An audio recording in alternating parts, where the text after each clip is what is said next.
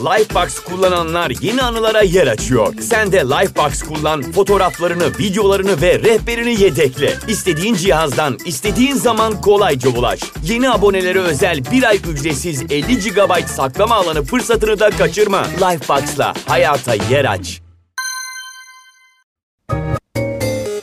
Merhaba sevgili patronlar. Bugünkü konumuz aranızdaki Zeus'un seçtiği üzere Ariadne. Aslında genel açık bölümlerde Ariadne ve Dionysos ilişkisinden biraz bahsetmiştik. O yüzden sizden ricam hatırlamak için önce o bölümleri dinlemeniz, özellikle de Minotor bölümünü. Bakalım bu bölümde Ariadne ile ilgili hangi detaylara yer verebiliriz? Hikayeyi kısaca hatırlayacak olursak Ariadne, Girit kralı Minos ve annesi büyücü Nimpa Pasiphae'nin kızıdır. Pasiphae, cadı Kirke'nin kız kardeşi. Pasiphae'nin bir boğa ile çiftleşmesinden boğa başlı, insan vücutlu canavar Minotor doğmuştu. Madeline Miller'ın Ben Kirke kitabını okuyanlar bilir. Zaten Minotor'un doğumu da çok zorlu olur. Kimse onu doğurtamaz, Kirke gelip doğurtur. Ariadne ilk başta bir kardeşi olduğunu düşünürken zamanla onun tehlikeli bir yaratık olduğunu farkına varır. Zaten Minotor giderek halk için daha tehlikeli hale gelir çünkü insanları yemektedir ve bir labirente kapatılır. Bir gün kahraman Tezeus Minotor'u öldürmek için gelir ve labirentten çıkmak için Ariadne'nin yardımını ister. Bunu yaparken de kızı kendine aşık eder ve çıkışta onu kaçırıp evleneceğini söyler. Ariadne ona labirentte yolunu bulması için yardım eder. Minotor'u öldürmesi için ona bir kılıç ve dönüşte yolunu bulması için de bir ip verir. Kendisi de labirentin girişinde ipin bir ucunu tutar ki ip sabit dursun ve Tezeus dönüşte yolunu bulabilsin. Tezeus Minotor'u öldürür ve ipi takip ederek labirentten çıkar. Çıkışta Ariadne'yi de alır ve kaçar. Ancak Atina'ya dönüş yolunda Naxos adasında mola verdiklerinde Ariadne uyuyakalır ve uyandığında bir de bakar ki Tezeus adamlarıyla beraber gemisini atlamış gidiyor. Terk edilir yani. Sonrasında tesadüf alayıyla dünyayı dolaşmakta olan Dionysos keyifle oradan geçerken ağlayan Ariadne'nin sesini duyar. Görür görmez kıza aşık olur. Ona evlenme teklif eder. Ariadne kabul eder ve bir ömür mutlu olurlar. Tabi Eros'un da oklarının yardımıyla yani birbirlerine aşık olurlar ve bir ömür mutlu olurlar. Bu hikaye benim için çıkarcı bir adamın bir kadını kendine aşık edip hayalleriyle oynayıp terk edip gitmesi ve sonrasında kadının hak ettiği sevgiyi gördüğü bir adamla evlenip hayal ettiğinden bile daha mutlu olma hikayesi. O yüzden birçok kişiye de umut olacak bir hikaye. Hem de sizi terk eden kişi ölümlü bir adamken arkasından gelen sizi çok mutlu edecek bir tanrı. Yani ölümlüden Tanrı'ya geçiş yapıyorsunuz. Ve siz acılar içinde ağlıyorken karşınıza çıkan herhangi bir Tanrı da değil. Şarap ve eğlence Tanrısı. Yani resmen acınıza son vermeye, hayatınıza neşe katmaya gelmiş. İşe bakın. Resmen her şerde vardır bir hayır sözünün hikayesi bu bence. Ama şunu da söylemeden geçmeyeyim. Bazı versiyonlarda Tezeus Ariadne'yi terk etmez. Ee, gerçekten unutur ki bu bence aşırı saçma. Yani kedi mi unutuyorsun ya? Karın olacak kadın yani o koskoca kadın. Bazı versiyonlara göre de Dionysos Tezeus'u zorlar kızı terk etsin diye. Çünkü daha önce Ariadne'yi görüp aşık olmuştur. Hatta o yüzden Tezeus e, babasına söz verdiği gibi beyaz bayrak açmayı unutarak babasının intiharına sebep olmuştur. Çünkü o sırada kafası Ariadne için duyduğu üzüntüyle doludur falan filan. Yani işte Tezeus'un suçlu olmadığı versiyonlar da var. Ama doğrusunu söylemek gerekirse bana bu versiyonlar hiç mantıklı gelmiyor. E, Tezeus'u aklamak için zorlanmış gibi geliyor. Şimdi hikayenin aralarına girerek bazı detaylar verelim. Düğünlerinde Ariadne'nin saçına taktığı bir bant var. Buna diadem diyorlar. Nakışlı bir saç bandı düşünün.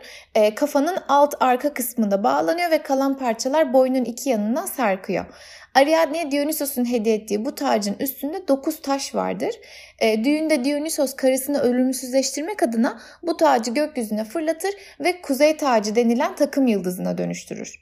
Bir Temmuz akşamında saat 9 gibi gökyüzüne bakarsanız bu takım yıldızını kolayca görebileceğini söyleniyor ama ben henüz denemedim açıkçası. Bu Temmuz'da hep beraber deneyelim. Ariadne ve Dionysos'un çocukları olur. Onephion şarabın kişileşmiş halidir. Yani şarap tanrısı değil. Direkt şarabın vücut bulmuş hali. E, Staphylos üzüm. Toas e, Limni kralı. Fanus bir argonot. Maron tatlı şarap kahramanı gibi daha birçok çocukları olur yani şarapla ilgili, üzümle ilgili genel olarak. Bu arada bazı mitlere göre Tezeus Ariadne'yi terk etmeden önce hamile bırakmıştır.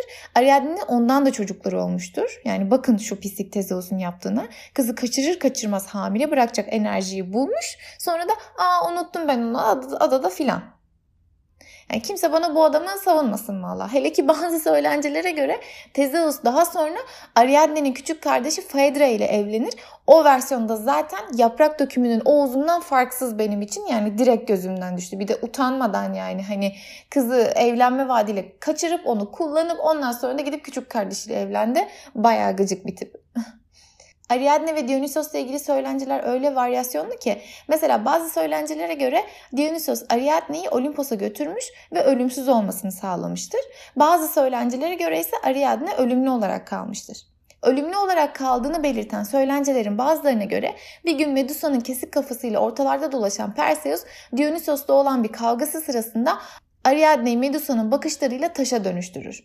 Bazılarına göre Artemis kızı öldürür, bazılarına göre ise Ariadne kendini asar. İlginç versiyonlar var yani böyle.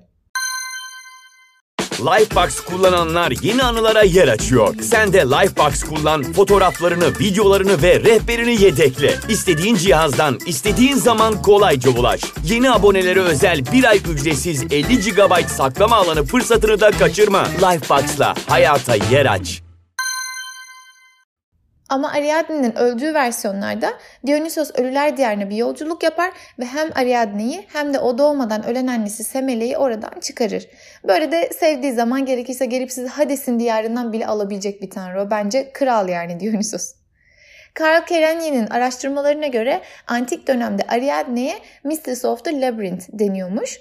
E, Mistress kelimesinin İngilizce'de iki farklı anlamı var hem hanım ev sahibesi anlamında kullanılabiliyor hem de metres kapatma anlamında kullanılabiliyor. O yüzden Ariadne'ye labirentin hanımı derken hem sanki kutsal bir pozisyonu konumlandırılıyor gibi hem de sanki Minotor gibi yani o da o labirentte hapismiş gibi bir imada bulunuluyor. E, bu çok mümkün çünkü bazı mitlere göre Ariadne Minotor'un hapsedildiği o labirenti gözetlemekle görevlidir. Günlük hayattan Ariadne ile ilgili birkaç bilgi verelim. Şarap ve yüksek alkollü içeceklerle ilgili eğitim veren bir kurum var. Wine and Spirit Education Trust diye geçiyor. Onun logosundaki elinde kadeh olan kızı Ariadne'den ilham olarak tasarlamışlar. E, direkt Dionysos kullanmak yerine Ariadne kullanmak ilginç bir yaklaşım olmuş tabii böyle bir kurum için. E, Christopher Nolan'ın Inception diye bir filmi vardı. Başrolünde Leonardo DiCaprio'nun oynadığı. Türkçe'ye Başlangıç diye çevrilmişti. Konusunu hatırlarsanız rüya içinde rüya görülen ve rüyaları yöneterek birinin bilinçaltını etkileme konulu bir filmdi. Ee, orada görevi rüyadan kolay çıkılamasın diye labirentler inşa etmek olan mimar bir kız vardı ve adı Ariadne'ydi. Ee, yani mitolojiye çok ince, çok güzel bir gönderme yapmışlardı orada. 2013 yapımı Atlantis diye sanırım iki sezonluk bir dizi var e, ve bu mitolojik hikayeler üzerine kurulu bir dizi. E, mitolojik dizi film izliyorsanız oradan deneyebilirsiniz. Orada da Ariadne karakterini Ayşe Hart canlandırmıştı. Richard Strauss'un Ariadne auf Naxos yani Naxoslu Ariadne diye bir operası var. E, bu arada dikkat ettiyseniz önceki bölümlerde de Richard Strauss'un eserlerinden bahsetmiştim. Kendisi mitolojiden epey ilham alan bir sanatçı. E, Andre Gide'in Tezeus diye bir romanı var. Mitolojik roman okumayı sevenler belki okumak ister. Orada da hem Ariadne hem de Tezeus iradesi hem de Tezeus daha detaylı olarak yani yazarın bakış açısıyla anlatılıyor. Hikayeye geri dönersek bence Kalipso'nun Odysseus'u kurtarıp sonra terk edilmesi gibi Ariadne'nin hikayesi de zor bir durumdan hatta belki ölmek üzereyken kurtardığınız birinin iyileştiğinde sizi terk etmesine yapılan bir vurgu bence. E, bu tarz durumlarda ya kurtarılan kişi size sadece çıkar amaçlı bakmıştır, iyileşir iyileşmez sizden kaçar Tezeus'un yaptığı gibi ya da size baktıkça onu kurtardığınız o kötü halini anımsıyordur ve o anılardan kurtulmak için sizi bırakır diyorlar. Böyle bir yorum var. Ee, bir de artık neredeyse literatüre Ariadne ipi diye geçen bir tabir var. Hani Tezeus labirente Ariadne'nin verdiği iple girdi, Minotor'la boğuştu. O zorlu mücadeleden dönüşte yolunu Ariadne'nin ipi sayesinde buldu ya. O şekilde zorlu bir yola girdiğinizde, büyük savaşlar verdiğinizde belki o savaşı kazanabilirsiniz. O canavarı öldürüp ona yem olmaktan kurtulabilirsiniz. Ama eve geri dönüş yolunu bulamazsanız o labirentte kalıp ölürsünüz demek isteniyor. O yüzden tıpkı bir ucunu Ariadne'nin tuttuğu o ip gibi sizi eve döndürecek bir sabite ihtiyacınız var. Ya biri yani aileden biri, sevgili ya da arkadaş sizin için ipin bir ucunu tutacak ki geri döneceğiniz yeri unutmayın ya da bir inanca bağlayacaksınız ipinizi. O inanç size yol gösterecek. Bir de Nietzsche'nin Ariadne'nin yakınması diye bir şiir var. Onu da okuyarak size veda ediyorum. Kim ısıtır? Kim sever beni daha? Sıcak eller uzatın bana. Yürek mangalları uzatın bana. Vurulup düşürülmüş çırpına çırpına, can çekişenler gibi, ayakları ovuşturulan, sarılmışım ah, bilinmeyen ateşlerle yana yana. Sen peşimdesin, ey düşünce. Adlandırılamaz, açıklanamaz, iğrenç. Sen ey bulutların ardındaki avcı. Yerle bir olmuşum senin şimşeklerinle. Sen alaycı göz, dikmişin gözünü bana karanlıklardan. Yatıyorum öyle, kıvrılarak, çırpınarak işkencesiyle bütün sonsuz ezaların. Vurdun beni, sen ey zalim avcı. Sen ey tanınmaz, Tanrı. Vur, daha derine vur. Bir kez daha, hadi vur. Kopar, parçala bu yüreği. Niye bu işkence, körelmiş oklarla? Neye göz koydun böyle? Usanmadın mı bu insan işkencesinden? Acı vermekten haz duyan Tanrı şimşeği gözlerle. Öldürmek değil istediğin. Yalnızca eziyet. Eziyet etmek mi? Bana niye eziyet ediyorsun? Sen, ey acı vermekten haz duyan tanınmaz Tanrı. Ha ha, usul usul sokuluyorsun böylesi gece yarısında. Ne istiyorsun? Konuş. Üstüme geliyorsun, sıkıştırıyorsun beni. Ha, çok yaklaştın yanıma. Soluğumu duyuyorsun, yüreğimi dinliyorsun. Kıskanç seni. Neden kıskanıyorsun beni? Git, defol. O merdiven de niye? İçeri mi girmek istiyorsun? Yüreğime tırmanmak, en mahrem düşüncelerime tırmanmak. Utanmaz, tanınmaz, hırsız. Ne çalmak istiyorsun, ne gözetlemek istiyorsun, ne işkencesi etmek istiyorsun. Sen ey işkenceci, sen cellat tanrı. Yoksa köpek gibi taklalar mı ataydım karşında? Teslim mi olaydım kendimden geçerek, sevginle sırnaşarak? Boşuna, sürdür batırmanı, zalim diken. Köpek değilim, avınım yalnızca senin. Zalim avcı, en gururlu esirinim. En ey bulutların ardındaki haydut. Konuş artık. Ey şimşeklerin ardına gizlenen, tanınmaz, konuş. Ne istiyorsun ey eşkıya benden? Nasıl? Fidye mi? Ne istiyorsun fidye diye?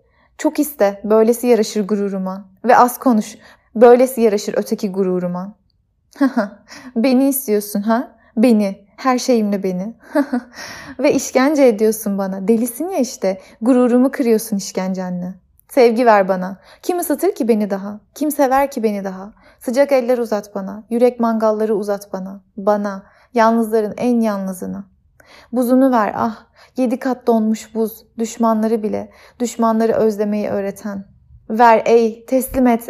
Ey zalim düşman bana kendini. Kaçıyor. Bu kez o kaçıyor. Tek yoldaşım. En büyük düşmanım. Tanınmazım benim. Cellat tanrım benim. Hayır. Gel geri. Bütün işkencelerinle birlikte geri gel. Bütün gözyaşlarım sana akıyor. Yüreğimin son alevi seni aydınlatıyor. Gel, geri gel. Tanınmaz Tanrım. Acım benim. Son mutluluğum benim. Lifebox kullananlar yeni anılara yer açıyor. Sen de Lifebox kullan, fotoğraflarını, videolarını ve rehberini yedekle. İstediğin cihazdan, istediğin zaman kolayca ulaş. Yeni abonelere özel bir ay ücretsiz 50 GB saklama alanı fırsatını da kaçırma. Lifebox'la hayata yer aç.